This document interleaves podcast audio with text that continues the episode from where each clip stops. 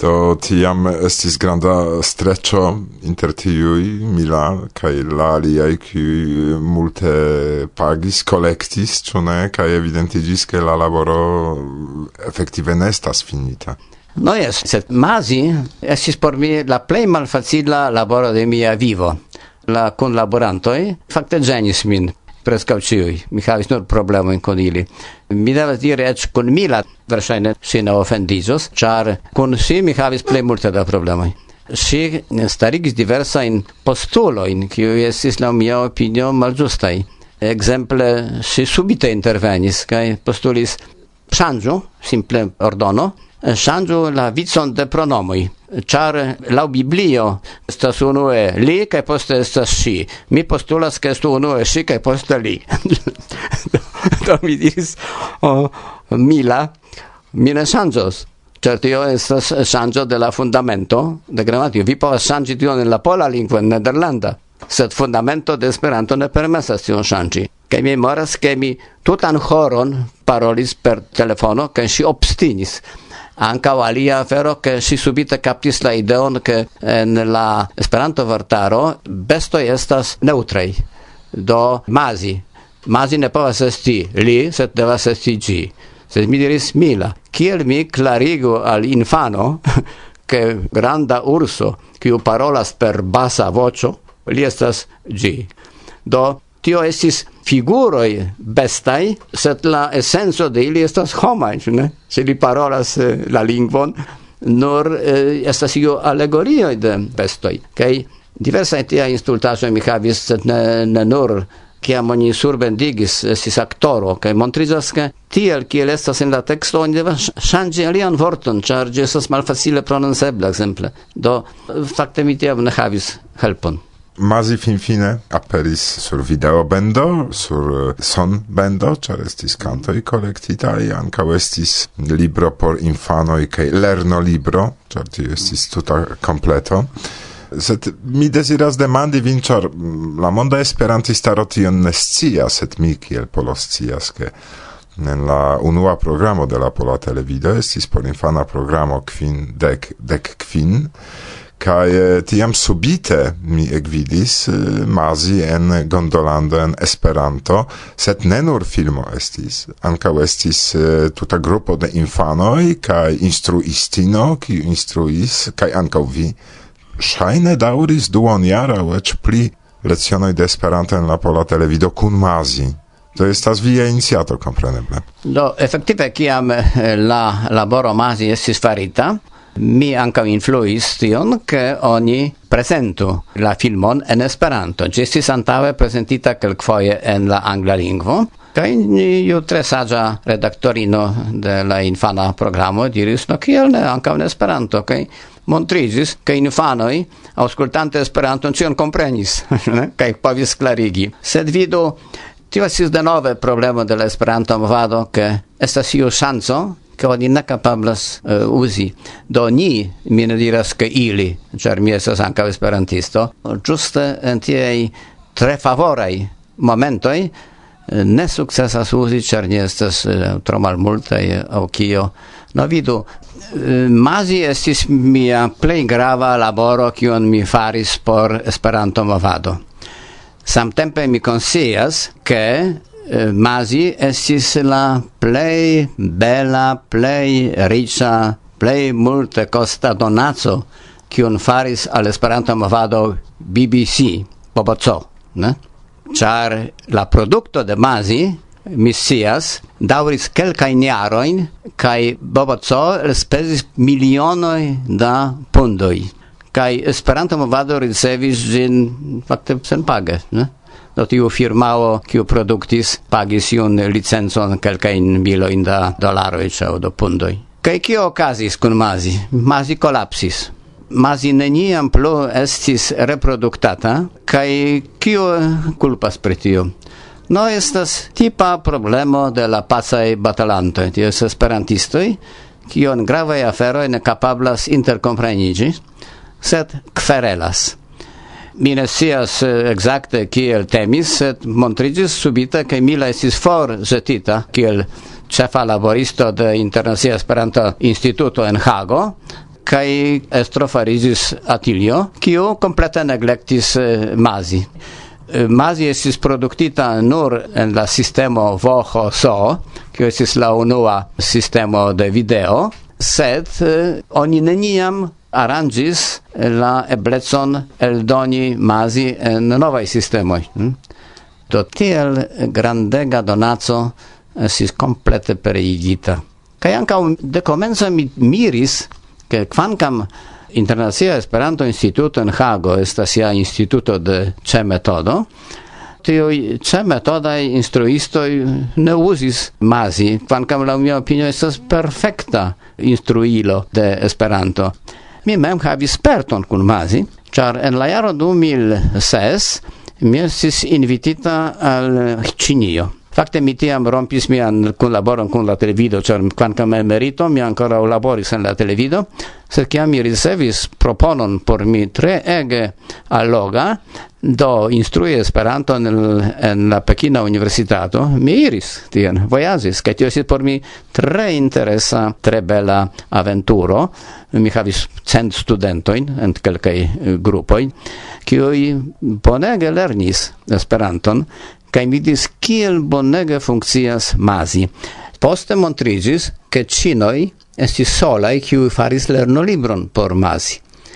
Tiu lernolibro, che tiu casetoi, estis por mi quasau donatso el la cielo, char studentoi havis clarigon pri la lingvo en la lernolibro cina, kai mi, ec de comenzo en la unua leziono, mi parolis kun cinoi exemple Jada, knabineto, post tri monatoj parolis, kai si mem diris, vidu, mi lernis dek jaron la anglan lingvon, kai mi ne parolas, kai mi post tri monatoj parolas en Esperanto. Ne? To vi ne estas sola, ĉar ankaŭ mi tri sinsekvaj jaroj instruis laŭ mazi studentojn ĉe Varsovia Universitato kaj tio estis oficiale akceptita de la universitato kaj mi kontaktiĝis tiam kun Katalin, kiu laŭ mi reprezentis internacian Esperanto instituton por ke ŝi donu permeson al mi ke mi uzu mazion dum la instruado, do ŝi kompreneble deziris vidi rezultojn kaj rezultoj estis. Inter alie rezulto estas Marta, kiu ah. ĝuste dum tiu ĉi mazi kurso esperantistigis kaj ne nur ŝi. Do, mi ne faris lerno libron en tute, sed eh, mi eh, faris caieroin, ciu por unu leciono, Esperante aldone estas pola vortaro, do vi ne estas sola. Mm. Do mi gratulas al vi, vi se suno el malmulte kiuj komprenis eh, la valoron de Mazi, sed pri lerno libro mi mem havis ideon kai gine sis farita nur pro tio ke mi malsanigis kai poste la afero farigis ne aktuala kai mia ideo estis fari tian lernolibron en kiu elementoi estu facile changebla en diversa lingvoi Fakte mi inventis juste tion, kion poste uzis uh, Stano Marczek en uh, siaj libroj. Sed eh, por Masi tio estis la afero ne aktuala, ĉar la tuta ideo estis jam dronigita. Nis problemo de Esperanto vado estas tio, ke ne estas tro malmultaj Czar eble se nie stu primulte ankaŭ mono mm, okazus. To ni parolas primazi. Estas eh, du versioi qui mi vidis. Uno estas lau eh, lerno libro versio, do estas ses lezionoi de Masi en Gondolando kaj ses lezionoi de Masi revenas en Gondolandon kaj mi vidis eh, alian version, do ŝajne tiun televidan, mm, kiu havis dek du lecionoj. Formala versio estas nur unu, kai tio ke estis lerno libro aldonita al tiu skatolo estas neniu lerno libro estas tute fusa afero estis mono por fari lerno libron sed ĉar mi malsaniĝis oni eldonis ne lernolibron sed tekston. Fakte liston de dialogoj kaj nomis tion lernolibro sed ĝi ne estas lernolibro ne? mankis intelekta laboro ĉar estis tiam granda ŝanco ke oni povis fari veran lernolibron. Do dudek jaroj kai kaj eh, ni constatas ke bonega ideo, bedaŭrinde, eble ne fiaskis, sed ne estis ĝis fino uzita. Do, eh, mazi existas, ne? Eh, nur estas la demando utiligi ĝin, ĉar ĝi ekzistas. Do, ia fina konkludo. La fina concludo estis tia, ke Mazi la mia opinio estas unu el plej grandaj kontribuoj por instrui Esperanton kaj mi nun forte rekomendas uzi ĝin kaj mi convincigis persone che Masi estas unu sola lernilo per kiu oni povas paroli ekde la unua eh, uh, leziono. Ne nur vi convincigis. No, mi salutas ciuin ascoltantoi de Varsovia Vento, mi tre alta taxas la laboron de miai varsoviai amicoi, cae consideras che eh, tiu laboro est trege utila por Esperanto movado, kai mi desiras ankaŭ al miaj amicoi de Varsovia Vento sanon kai laboremon. Tio pasis bone, do mi iras for. Dankon granda mazi, ploras mia kor. G servito cheese.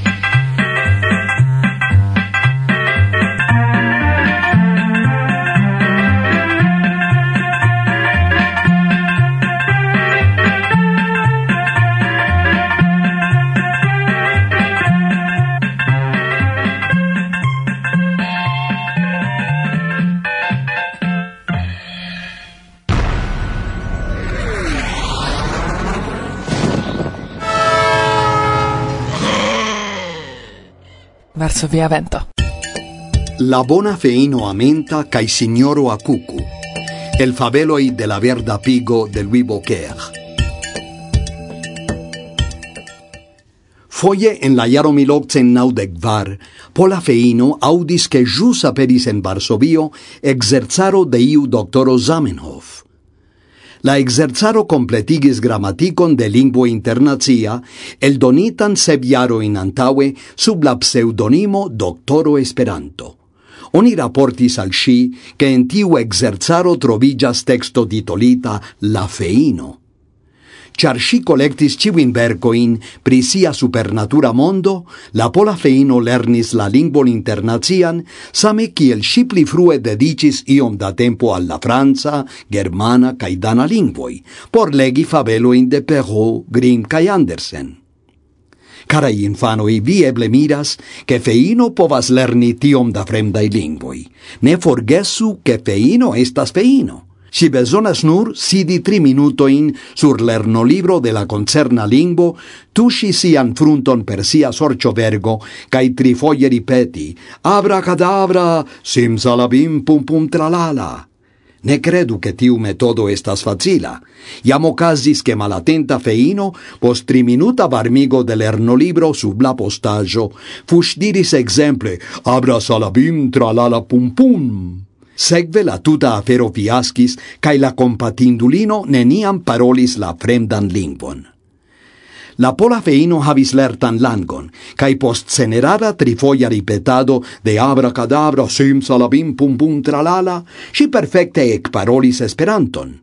Si atente legis la raconton de doctoro Zamenhof pri la feino, Vi certe conas la texton, eble vi parcerigis gin, unu vidino habis du filinoin, la pli maljuna estis tiel simila al la patrino per sia caractero cae visaggio, cotopo cotopo.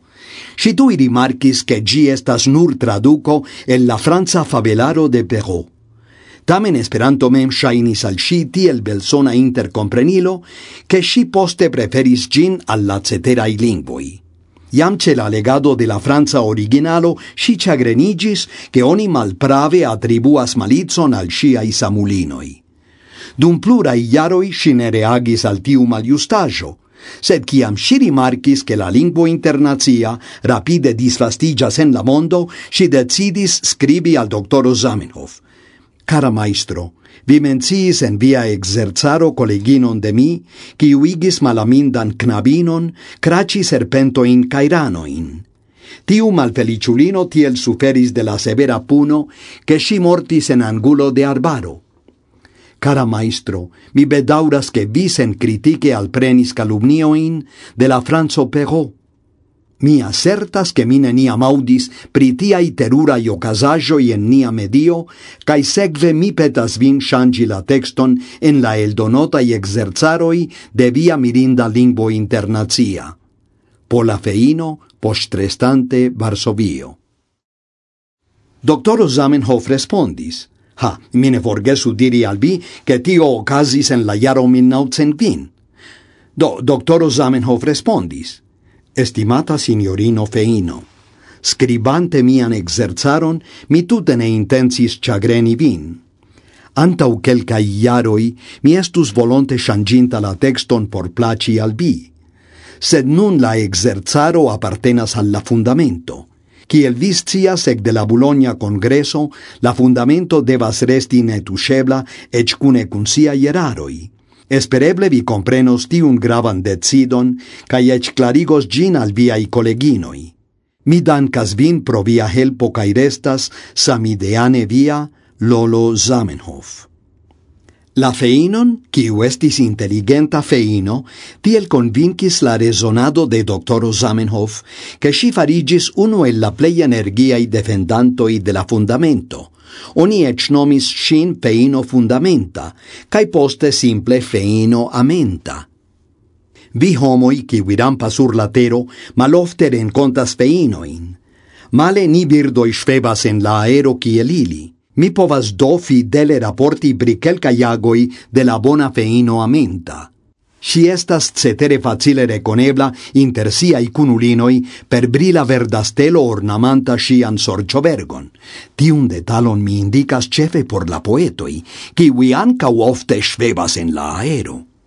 Mine racontos al la tutan historion de la lingvo internazia. famai faculoi faristion pli bone ol mi simpla pigo povus fari Mi mencios nur kelkajn epizodoin en qui oni gis nun bedaurinde prisilentis la efficon de nia feino.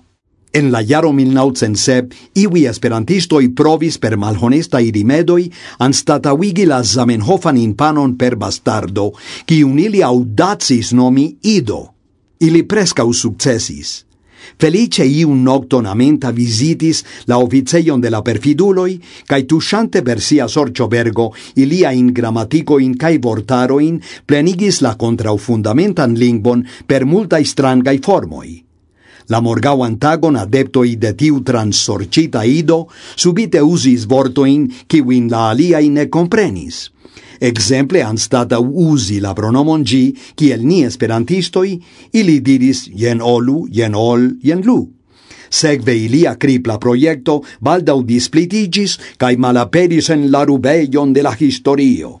Tiun trafan formulon mi iam audis de mia cuso lanio, kiu studis la oratoran arton en Ateno. La bona feino amenta opportune intervenis plu en la posta iaroi, porque ne pereu nia belega lingvo internazia sub la batoi de la sorto au de la homoi. Dum la unua mondmilito, si savis la internan ideon de Esperanto, sugestante al samideanoi logiantai en neutralai landoi, che ili helpu la victimoin de la terurai sensensai bataloi. Ancau memoru che poste ciam dictatoroi provi sufoci Esperanton en siai landoi, frapo de sia sorciovergo tui nascis novan flamon en aliai mondopartoi. Ia foie ec esperantistoi, ho honto, condutas malabique contra esperantistoi, ofte pro nurai bagateloi. La feino devas flugadi de academio al redaccio cae de redaccio al academio por convinki la partioin che vere ne gravas la uso de tiu ci au de tiu suffixo, de tiu ci au de tiu participo. Mi simplapigo opinias che tiel longe dum esperantistai mostoi comprenas la insulto in de aliei esperantistai mostoi tio sufficias por pruvi la clarezon de nia lingvo internazia. Tiu teme mi racontu al vi la lastan faron de la feino amenta. En la urbo vivis notario, signoro Bilbok, quiu sencese proponis ŝanĝojn en la grammatico cae la vortaro de Esperanto. Oni forigu la articolon quiu ne existas en la latina cae la rusa lingvoi. Oni diru Esperanto pro la cinoi quiu ne conas la sonon ro. Oni ne accentu la antaulastan silabon de la vortoi por ne geni la franzoin oni usu e anstatau po, koto po. Ciam signoro Bilbo caperis en cundeno, civi esperantistoi forcuris antaulia istultajoi. Oni plurfoie consilis al li paroli sian jargonon sola en sia logeio. Vani. Lia lasta il trovo estis la senutilezzo de la accusativo. Tiu creteno compreneble ege genis la propagandon de Esperanto. La districta delegito iam promenis en la camparo apud nia vilaĝo, meditante pri la pereiga influo de signoro Bilbok, kiam li hazarde rencontis la feinon amenta. Si atente auscultis lia implendoin, ridetis, cae promesis contraui alla malagusative mulo. Ne timu, signoro delegito, mine igos lin craci serpentoin cairanoin, sed baldau li jam ne endangerigos la fundamenton. Fakte si flugis al la urbo kaj nocte dum lia dormo tuŝis per sia sorĉobergo la buŝon de signoro Bilbok. Ekde tiu momento la notario ne capablis giuste prononci la vorton accusativo. Li nur balbutis akaka akuku akakakuku Ciam li volis denove prediki en kunveno contra la esperanta accusativo, cigui ce estanto iridegis cae criis, imitante lin, akaka akuku, Li provis recomenci sian argumentadon. Che signoroi, mi opinias che la akaka akuku akakakuku Poste li silentis ne comprenante kial lia lango subite crocigis inter liai dentoi, cae li fugis sub la mocoi de la esperantista publico. De tiam oni nomi signoron Bilbok Akuku, poste oni forgesis lin. Mi scias che nun Akugu restas heime cae dediĉas sian tempon al pedanta reordigo de juraj paragrafoi, unu vorte al nenio. Ies, carai infanoi, al nenio. Voĉlegis por vi Luis Jorge Santos Morales. Kaj jen cio nia hodiaŭa programu iom bedaurinde la lasta antau la somera pauzo. Cio ne signifas, che domeni enuigios. No, Nu, somero estas fakte por riposi, cae nenion fariĉu. No yes, tamen eh, ni uzos la tempon por iom eh, pli modifi modernigi nian podcastan retejon. Do, al ciui auscultantoi de Varsovia vento, al ciui niai amicoi, cae conatuloi, Ni deziras sukcesan, neforgeseblan kai plenan de ripozo someron. La provizora studio de Varsovia Vento parolis al vi Martusia kai kiel ciam Irek. Gis la venonta elsendo. Gis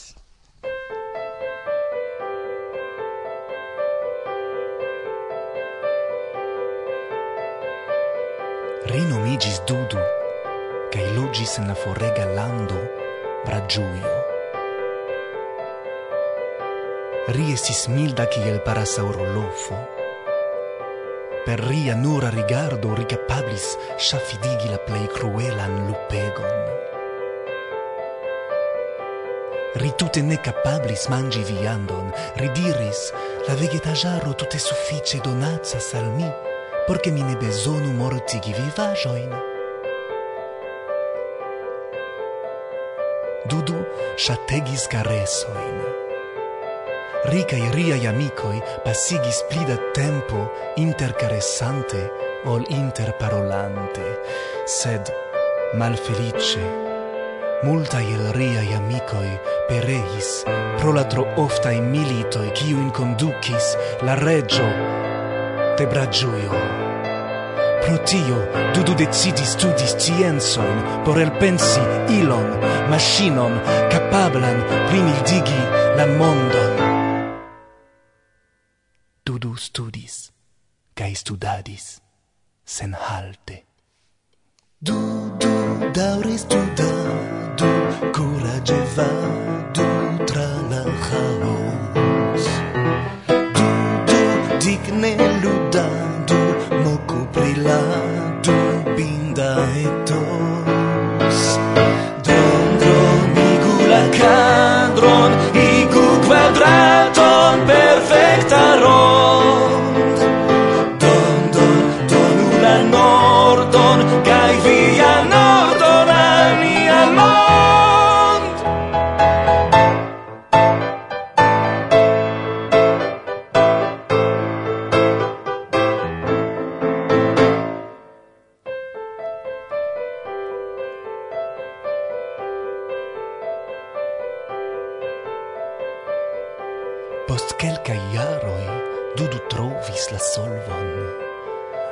segnis planoin de la sero kiu havos la povon pacemigi ciuin homoin. Sufficios pafi iunain per gi, por tui forigi ciun per fortemon de tiu. La secreto de tia povo estas, che la lasero radio estos ros colora. Sed por construi tian laseron dudu besonis monon, nu iam ocasis che la regio tebra giuio venis al dudu cae diris Mi besonas la seron. mi donos multegan monon al vi por gin construi. Cai chargi utilos por mortigi ciu in mia in malamicoin, tiu la sero devo sesti nigra.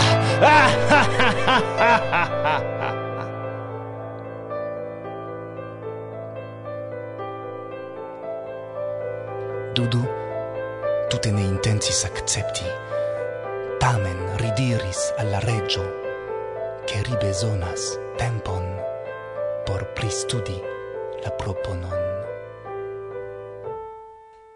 Dudu pristudis, cae pristudadis, sen halte.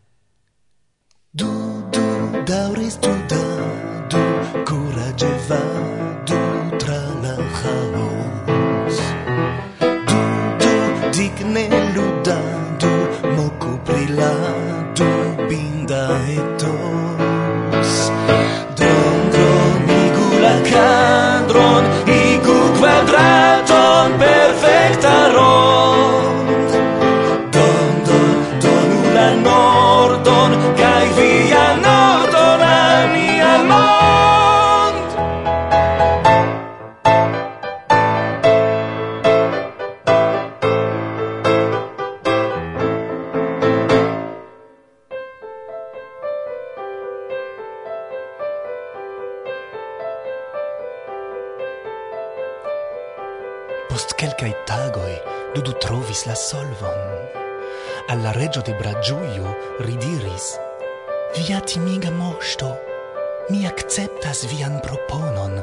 konstruos nigran laseron por vi, kaj mi eĉ povas fari pli bone.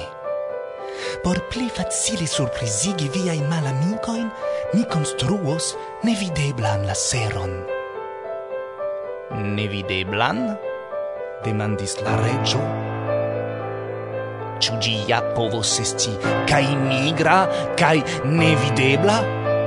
Jes ja, respondis Dudu. Imagu che mi nevidebligu vian cronon, ciu gi ne daure estos ora. La reggio tre entusiasme iesis la proponon de Dudu, cae donis la monon. Tiam Dudu extudis la teorioin de la nevideblai laseroi. Ria nova celo estis construi nevideblan, rozcoloran laseron. Dudu studis cae studadis sen halte. Du, du, daure studadu, curage vadu tra la chaos. Du, du, digne ludadu, mocu priladu, binda etos. Dendro, migula cadron,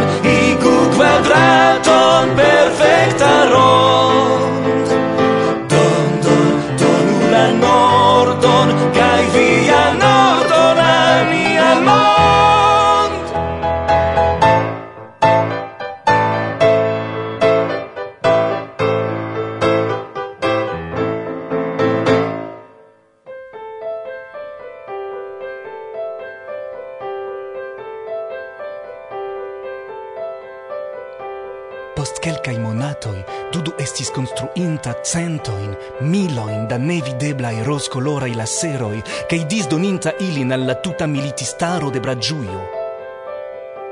Quelcai semainoi sufficis, porche malaperu ciui malamicoi de Bragiuio.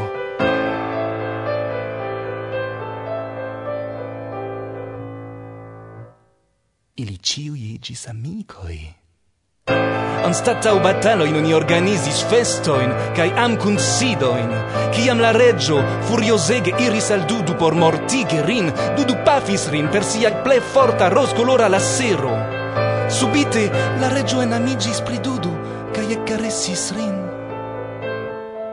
De tiam ili kun multaj amicoi, Cun loggias en la regia palazzo, Cae kiam rine estas occupita pro caressado, tu du studas, cae studadas, sen halte.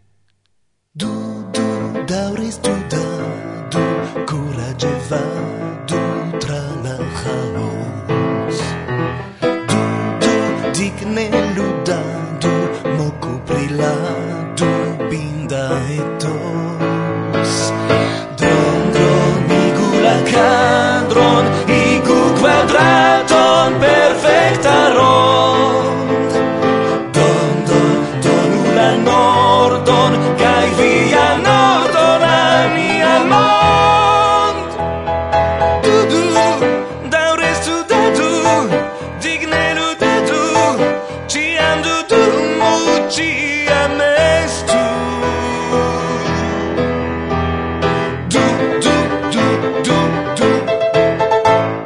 Écoutez Varsovia Vento, vi auscultas Varsovian Venton, parolis Guillaume.